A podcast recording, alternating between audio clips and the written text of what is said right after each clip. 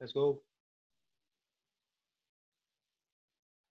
Oke, selamat sore menjelang malam, uh, listeners. Ya, ini podcast saya episode kedua dari podcast Pria Bicara. Sore ini saya mengangkat sebuah uh, bahan pembicaraan lah ya kita kita sebutnya di setiap episode dari Pria Bicara ini akan saya angkat bahan pembicaraan, yaitu lara bahan bakar karya. Ya, sore ini saya sudah didampingi oleh eh, teman SMA saya dulu, sebuah SMA negeri favorit di Bandung, Bap ah Bapak atau Om ya, Om ajalah ya. Om Ari Prasetyo ya. Uh, beliau ini pegiat seni, pegiat IT dan juga pegiat uh, romantis romantisme lah gitu ya. Pokoknya hatinya rinto banget lah gitu. uh, saya kenalin dulu, silahkan Om Ari uh, untuk barangkali membeberkan CV-nya boleh atau menyampaikan background-nya lah ya. Oke, okay. Om Ari. Uh, tentang apa dulu nih? Uh, background dulu lah, background-nya Om Ari ya.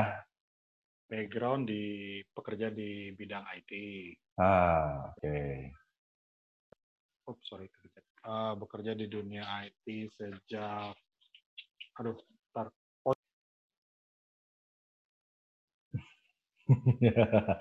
uh, ya ini maklum Bap Om Ari ini juga bapak dari dua orang anak ya dan suami dari seorang istri. Jadi juga uh, waktunya cukup uh, ini apa cukup pagujud lah ya. Silahkan Om Ari. Ah, dunia IT sejak tahun 2000 tiga kalau nggak salah. Banyaknya sih bekerjanya di bidang uh, web development lalu uh, sempat juga bekerja di digital advertising game development sempat juga membuat beberapa startup IT startup di Indonesia. Lalu sempat juga bekerja di sebuah perusahaan IT di Australia selama tiga setengah tahun, uh, tapi sekarang sudah balik lagi ke Indonesia di sebuah startup IT juga, gitu. Oke. Okay. Uh, banyaknya di perusahaan IT. Oke. Okay. Seninya Om, gimana Om seninya? Seninya apa ya? Mulai mengenal seni, mulai menikmati seni, atau mulai membuat seni? Hmm, membuat. Nah, kaitannya sama topik pembicaraan kita, bahan pembicaraan kita. Karya ya, sama ya. karya ya. Uh -huh. Kalau yang berhubungan dengan pembuatan karya seni, mungkin pertama itu ya waktu pertama kali bisa menggambar berarti. Hmm. Jadi dari kecil kan memang hobinya menggambar. Gitu. Hmm. Mungkin yang uh, kalau kenal dengan teman SMA dulu yang pernah sebangku dengan saya pasti tahu kegiatan saya di sekolah itu banyaknya menggambar sampai hmm. buku catatan tuh lebih banyak gambarnya daripada catatan itu mungkin karya seni pertama yang ya mungkin sejak kecil lah dari kecil itu udah mulai buat-buat uh, apa namanya gambar oke okay. dan sekarang sekarang ini om sekarang sekarang ini kalau sekarang ini lebih banyak ke uh, ini ya apa, tulisan fiksi di hmm. uh, apa namanya uh, cerpen hmm. kemarin juga udah nulis novel tapi sebelumnya itu perjalanannya lumayan ini sih ada apa namanya ada transisi transisinya jadi pertama menggambar kan terus hmm. tertarik ke musik bikin musik gitu kan bikin lagu bikin aransemen segala macam lalu bikin puisi juga tempat. Oh puisi juga ya, oke. Okay. Oh ya jelas. Jadi yeah. gambar, puisi, musik, sampai sekarang akhirnya ke fiksi. Fiksi. Oke. Okay. Thank you Om Ari, backgroundnya cukup uh, clear ya, menggambarkan uh, bagaimana uh, sosok Om Ari Prasetyo ini. Dan nyambung Om ke uh, top bahan pembicaraan kita sore ini, Lara Bahan Bakar Karya. Seperti uh, saya sudah lakukan sedikit observasi lah ya, untuk hmm. bahan pembicaraan sore ini, di mana uh, seperti kita pernah, eh bukan seperti kita pernah ya, uh, seperti banyak kita ketahui bahwa baik itu lagu yang diciptakan oleh musisi, kemudian juga puisi yang diciptakan oleh penyair, bahkan juga karya seni lain, uh, lukisan dan lain sebagainya, banyak yang ber, uh, bertemakan patah hati ya atau lara hati ya. Nah, ini menarik Om. Saya lihat uh, patah hati ini banyak dieksploitasi oleh para pegiat seni untuk menjadi karya seni yang uh, wow fenomenal lah ya. Uh, bahkan menelurkan album kalau musisi kemudian kalau uh, apa film itu menghasilkan film box office yang wah itu sampai bertahun-tahun seperti ada apa dengan cinta. Kemudian kalau uh, lagu kita kenang almarhum Bung Glenn yang menghasilkan album uh, apa uh, patah hatinya dan juga merambah ke dunia musik tradisional Om mungkin Om Ari mengenang juga almarhum uh, Mas Didi Kempot yang dikenal sebagai the Godfather of Broken Heart, ya. Betul, betul. Uh, musisi luar negeri juga masuk ke ranahnya musik rock juga. Bon Jovi kita tahu Always lagunya begitu menyayat hati ya.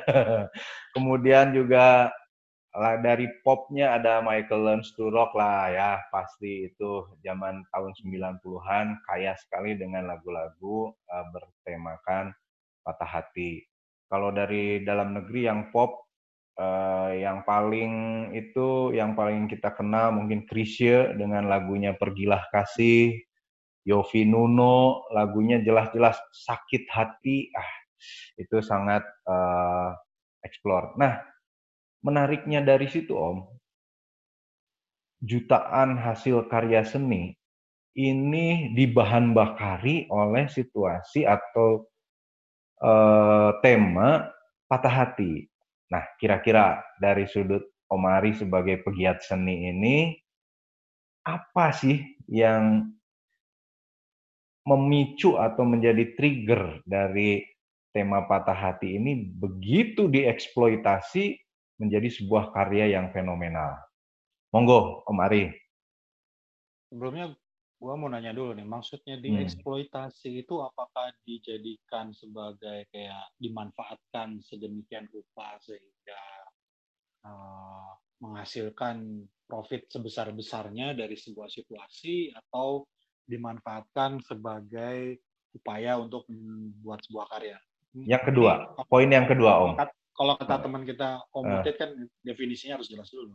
Oh ya, Ya, poin yang kedua jelas. Poin yang kedua, mungkin saya terlalu ekstrim pakai kata mengeksploitasi, tapi benar-benar kayak karena saya kagum sama hasil dari satu tema itu menghasilkan tons of hmm. karya seni gitu loh.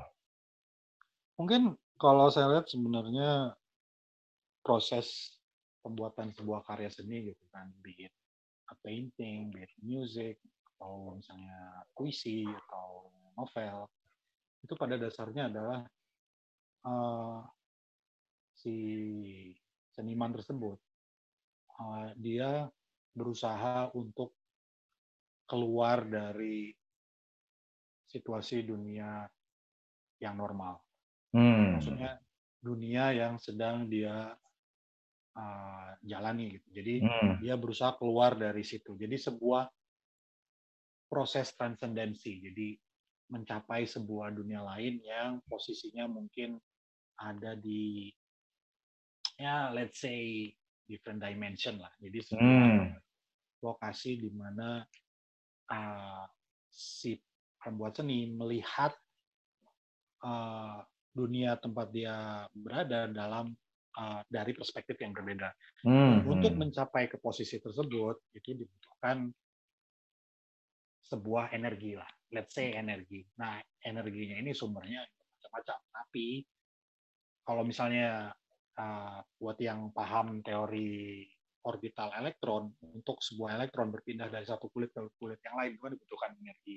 Nah, let's say untuk dari berpindah dari posisi di real world-nya sekarang untuk mencapai ke world di mana dia bisa melihat dunia tersebut dari mata yang berbeda, itu dibutuhkan energi dan energinya ini yang bermacam-macam sumbernya bisa dari sudden inspiration tiba terinspirasi ting gitu kan oh ternyata hmm. mencapai posisi tersebut itu kan hmm. dengan seketika gitu hmm.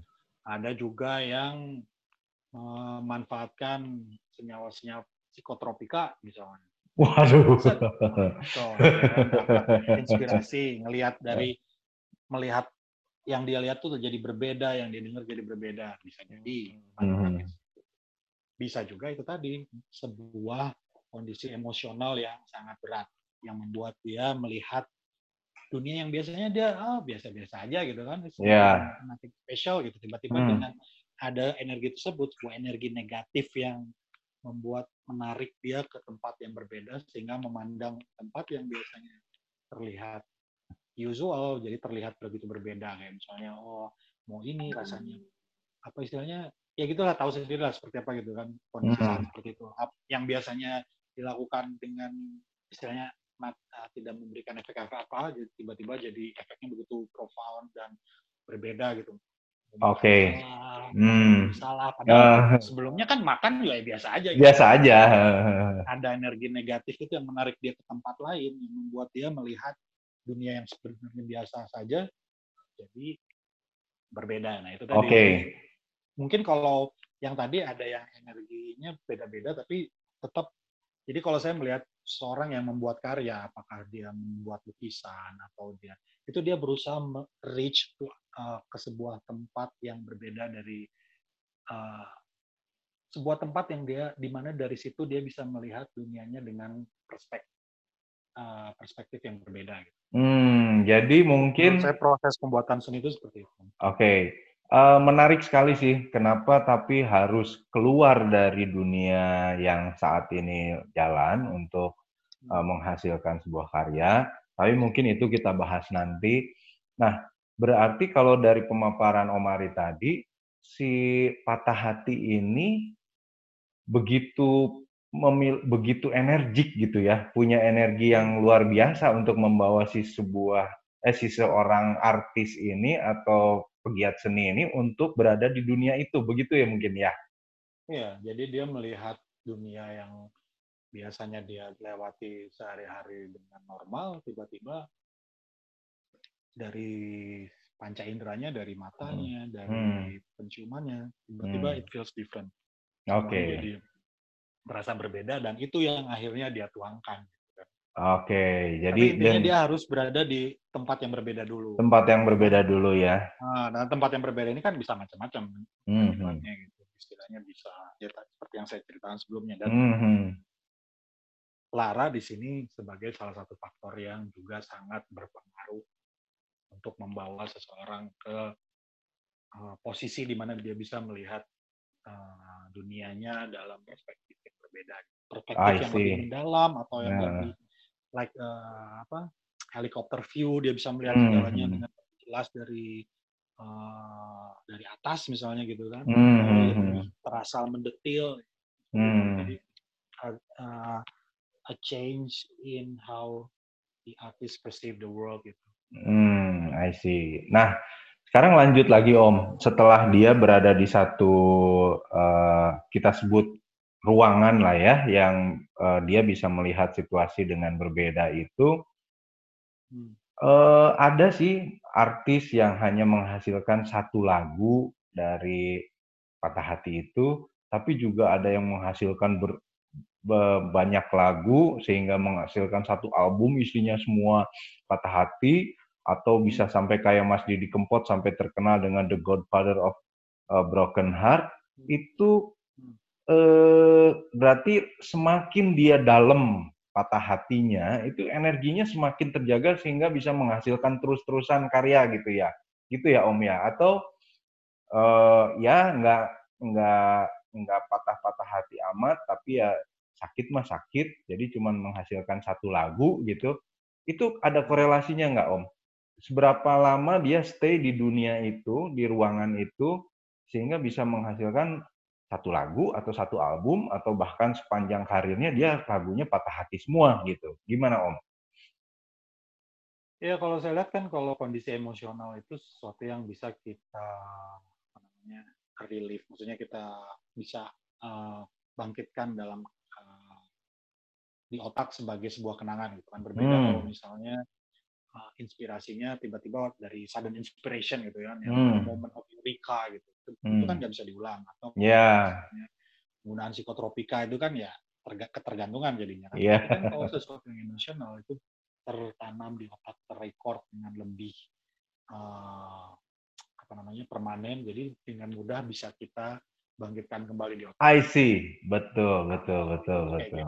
Uh, uh, uh. untuk untuk seorang seniman untuk misalnya dia ingin membuat karya lalu dia aduh inspirasinya apa terus dia teringat pada sesuatu yang pernah dialami secara emosional itu kan hmm. lebih mudah dibanding dia misalnya untuk inspirasi dia harus pakai obat dulu atau tergantung pada momen-momen inspiratif dulu gitu kan hmm. gitu kan. jadi mungkin hmm. menggalinya dari emosi atau pengalaman yang sudah pernah dialami itu bakal lebih mudah jadi gampang untuk diekstrak gitu ya om ya oh lebih gampang untuk di play ulang di play ya ya ya ya. uh, I see. Oke okay. kita udah dapat uh, proses dari uh, why why patah hati ini tadi sebagai sebuah energi yang luar biasa. Putus. halo? Halo? Halo? Yep. ya Keputusan. Uh, Oke, okay, nggak apa-apa. Jadi tadi kita udah uh, mendapatkan why-nya kenapa patah hati ini menjadi uh, sebuah energi yang luar biasa uh, karena itu ada memang energi yang bisa membawa uh, seniman ini ke suatu tempat tadi. Kemudian di tempat itu juga berapa lama, gampang diekstraknya, kemudian juga gampang di replay. Halo, clear? Halo. Halo, Om. Ya, ya, ya. Clear ya. Kayaknya tadi. Ah, oke. Okay. Sekarang sekarang clear ya. Oke. Okay. Nah, Sip. jadi udah Y-nya dapat, kemudian proses pem, uh, pembuatannya dan sekarang Om pengalaman dari Om Ay. Clear nggak Om? Sekarang Om. Halo. Halo. Halo. Halo. ya, pendengar kita uh, proses recording eh proses uh, recording episode 2 ini kita lakukan memang lewat uh, Zoom ya. Uh, Omari, are you there?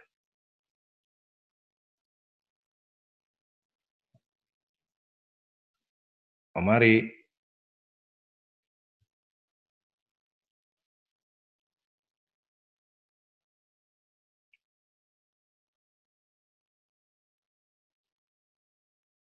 Halo.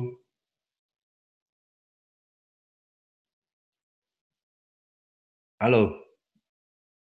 Ya. Suaranya di unmute dulu, Om. Oh, ya. Oke, ya. Nanti di Audacity tinggal di remove aja. Siap.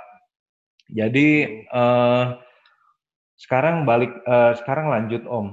Uh, pengalaman Omari sendiri uh, dan sebagai pegiat seni uh, tema patah hati ini seberapa uh, influence-nya bagaimana menginfluence karya-karya Om Ari sendiri dan juga uh, mungkin experience Om Ari dalam uh, mengeksplor uh, tema patah hati ini dalam karya-karya seninya. Gimana? Silakan Om. Hmm.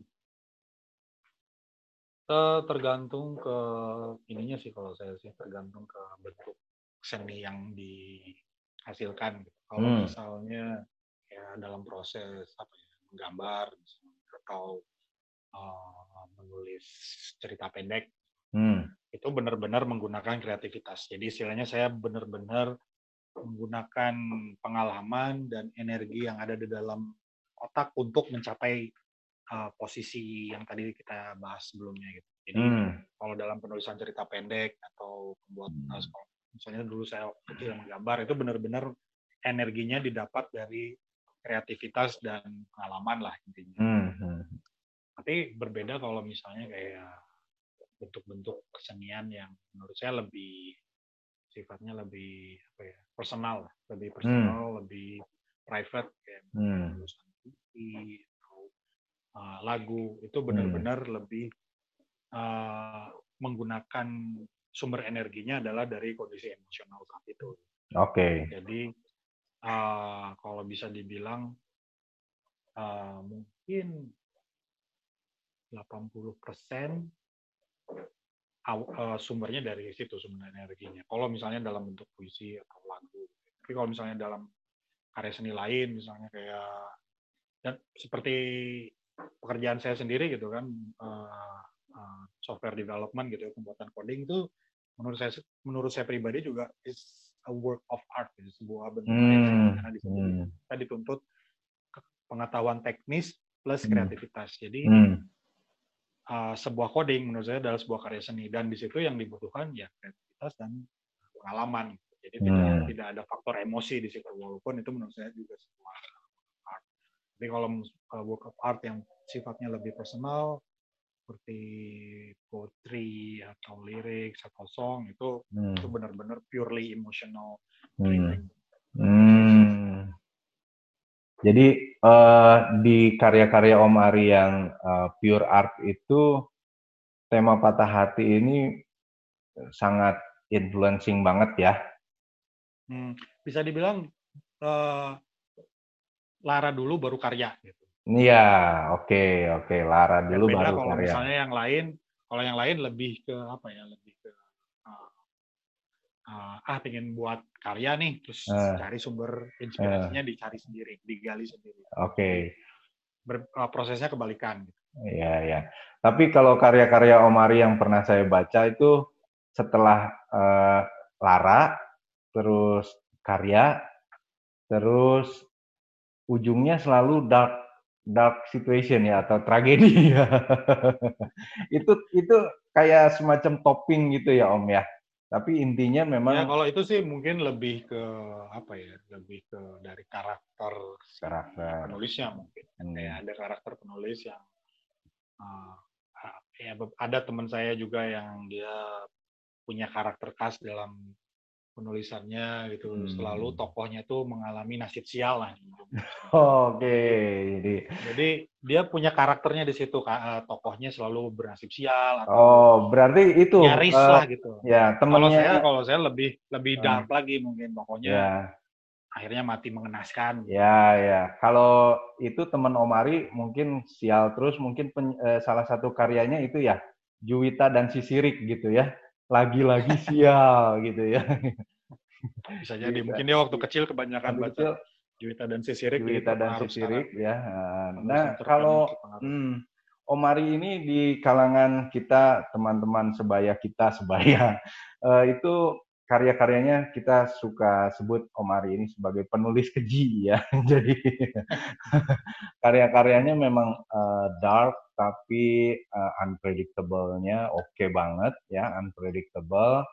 Kemudian juga uh, ia mengenaskan tadi uh, tragis gitu ya dan ya memang uh, I agree uh, bahwa uh, seniman itu memang punya uh, apa punya ciri khasnya masing-masing ya.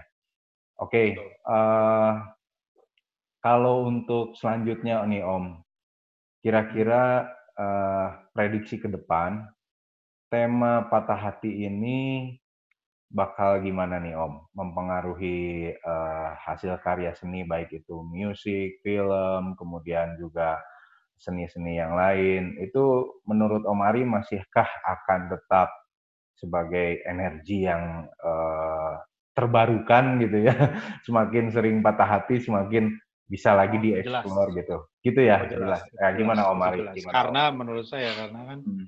sebuah seni tidak ada artinya kalau tidak ada audiens gitu kan. Hmm. hmm. Istilahnya uh, Oh, karena ada market menjadi seni. marketnya gitu ya. Bukan market, bukan market. Oh, bukan market. Ya. Market kan kalau market kan hubungannya dengan profit gitu kan. Uh. Kita mengejar profit di market tersebut. Ini lebih ke audiens. Jadi kan sesuatu hanya bisa dianggap menjadi seni kalau memang ada audiens yang mengapresiasi karya tersebut. Gitu. Oke. Okay. Istilahnya, nah, misalnya ada seorang uh, pematung dia membuat patung yang bentuknya doesn't make sense buat hmm. uh, mayoritas uh, populasi, tapi kalau misalnya ada uh, niche di populasi tersebut yang menghargai karyanya sebagai sebuah seni, hmm. mengapresiasi sebuah seni, ya udah itu berarti sebuah karya seni. Gitu kan. Jadi uh, terlepas dari uh, tujuan si pekarya tersebut apakah dia creating art for the sake of art atau dia hmm. creating art just because she want to atau for uh, emang dia create art for an audience itu hmm. itu terlepas dari itu semua yang jelas karya hanya baru bisa disebut karya kalau memang ada audiens yang mengapresiasi sesuatu tersebut sebagai sebuah seni gitu kan. Iya. Yeah. Jadi balik lagi ke saya uh, ke pertanyaan tadi apakah uh,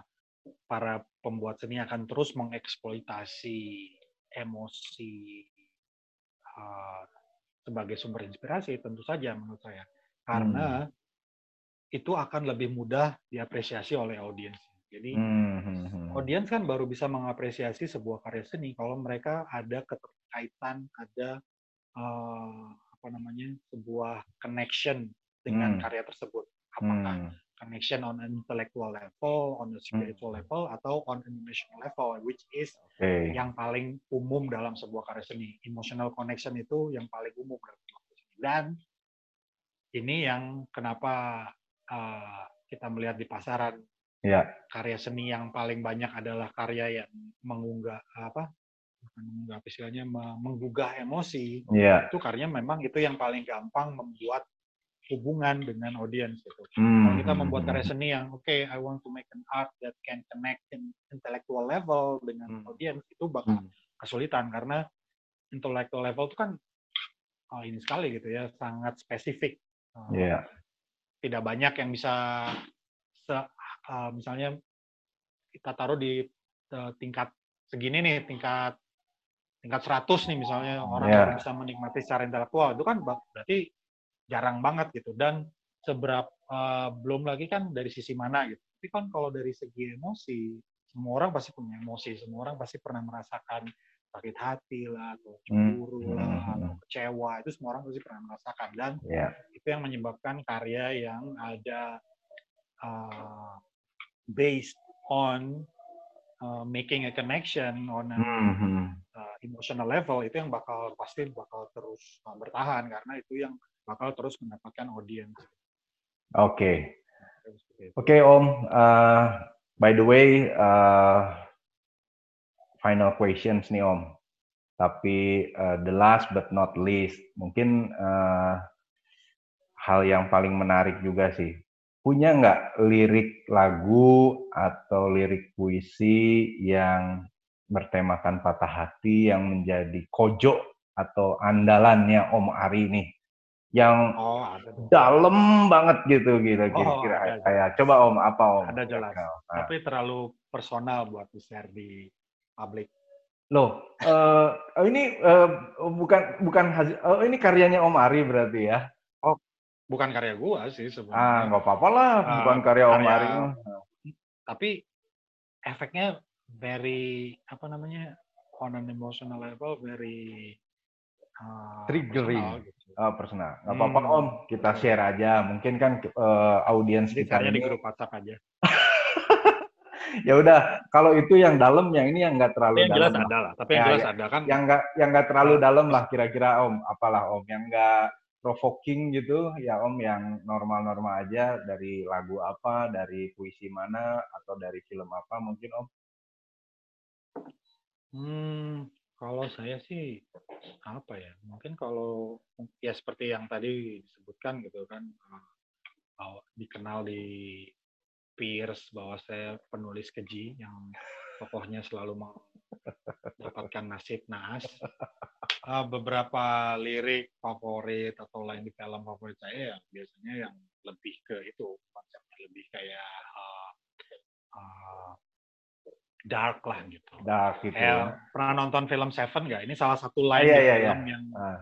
yang salah satu suka itu adalah saat si Detective Mills bilang ke partnernya What's in the box. Itu hmm. saya ingat banget scene-nya terus mimiknya Brad Pitt pada saat dia bilang What's in the box? What? Itu itu itu salah satu yang sangat berkesan buat saya. Salah satunya terus hmm. uh, uh, dari saya nggak akan ceritain scene-nya yang mana daripada spoiler ya pokoknya yang yang patah hati Om, yang patah hati Om. Aduh, apa ya? Uh, harus dipikirkan dulu. yang, Berarti nanti share. Ya di episode 3 aja kali ya. bisa, bisa. bisa. Kalau saya Om, tapi kalau yang yang keji itu yang paling saya ingat. Yang, yang paling keji What's in the ya. box. What's in the box. ya kalau saya Om sharing uh, mungkin ada ya ini lagunya sesuai dengan uh, apa uh, genre musik yang sering saya dengarkan lah ya lagu-lagu mellow gitu ya lagunya Numata Om Pergi Cinta gitu ya hey, itu di situ dari kan judulnya aja udah udah dari judulnya aja udah meng, ini udah menggugah emosi. Oh iya gitu ya. Jadi pergi cinta lupakanlah aku cinta kurelakan dia ada di pelukmu. Pergi cinta, ya, pergi cinta, hapus bayanganku, cinta, bahagiakan dia cinta. Ya, jadi ketika uh, mungkin sih ya, saya coba me, apa, mendalami si penulis lirik ini. Kebetulan Numata Band adalah orang Bandung juga ya. Uh, dia broken heart karena si yang dia cintai ini kan berarti memilih yang lain Kemudian dia merelakan supaya pergi, suruh ngehapus bayangannya si penulis, dan suruh ngebahagiain. Nah itu om, e, patah hati yang mungkin nggak dark sih, orange kali ya. e, tapi ya itu berkesan banget dan mungkin banyak lagi dari lirik-liriknya Mas Didi Kempot, liriknya Krisye, Yofi Nuno, apalagi Hedi Yunus mungkinnya banyak yang bisa kita eksplor. Uh, udah kepikiran Om? Belum sih. Belum ya.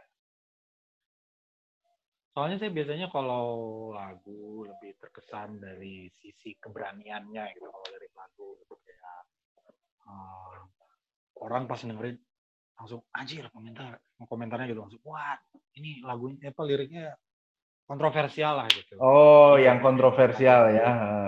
Itu yang kalau yang saya yang berkesan sih itu wah gue juga pengen bikin yang kayak gini gitu. Hmm.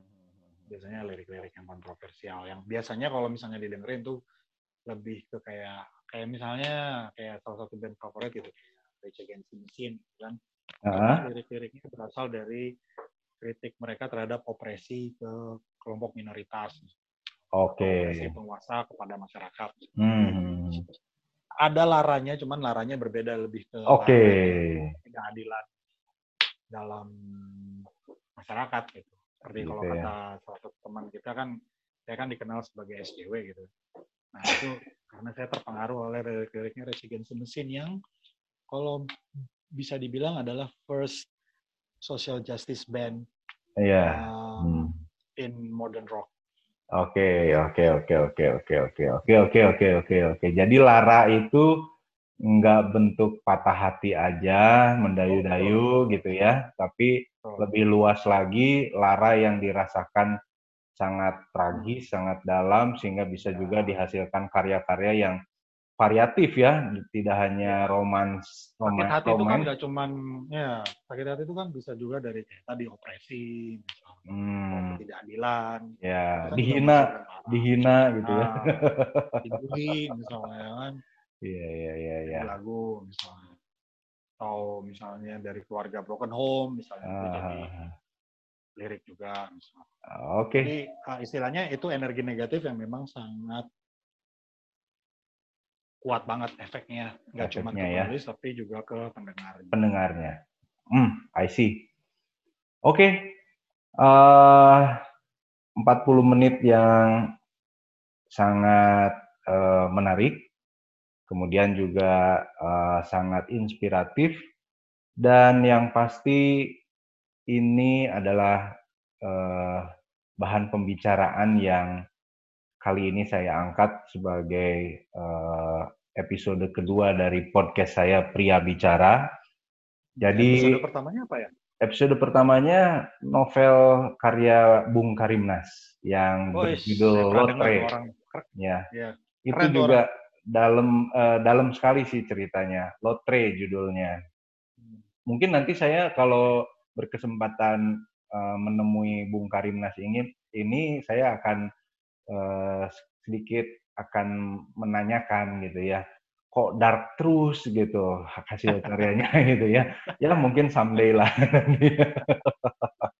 mungkin gitu. ada gangguan mental mungkin penulis uh, itu curiganya makanya saya pengen ketemu tuh gitu. pengen ketemu tuh kok ah, bener ini teh orang kayak gini gitu ya tapi anyway uh, episode episode selanjutnya dari podcast pria bicara akan didominasi oleh uh, bahan-bahan yang biasa dibicarakan oleh pria. Mungkin di episode kali ini patah hati ya. Pria juga patah hati dan pria juga manusia. Mungkin berikut-berikutnya uh, kita angkat juga dari sports, musik, film, kemudian juga uh, apa kantor, office politics, dan lain sebagainya. Semua itu uh, akan ada dan pastinya akan menarik kita kemas supaya dibicarakan di podcast saya di Pria Bicara. Saya Budi Rudianto dan rekan saya Om Ari Prasetyo undur diri. Terima kasih atas atensi dan uh, dan supportnya kepada kami. Terima kasih yang sudah mendengarkan. Semoga Terima kasih sudah diundang. Thank you sama-sama. Anyway, uh, saya akan uh, mengakhiri episode ini. Mudah-mudahan apa yang didengarkan bermanfaat bagi kita semua. Amin. Wassalamualaikum warahmatullahi wabarakatuh. Terima kasih Om Ari. Selamat sore. Selamat sore. Thank you Om ya. Sip. Tinggal diedit di Audacity, uh, upload. Di Antos okay. di Spotify. Siap. Nuhun Om. Assalamualaikum. Waalaikumsalam.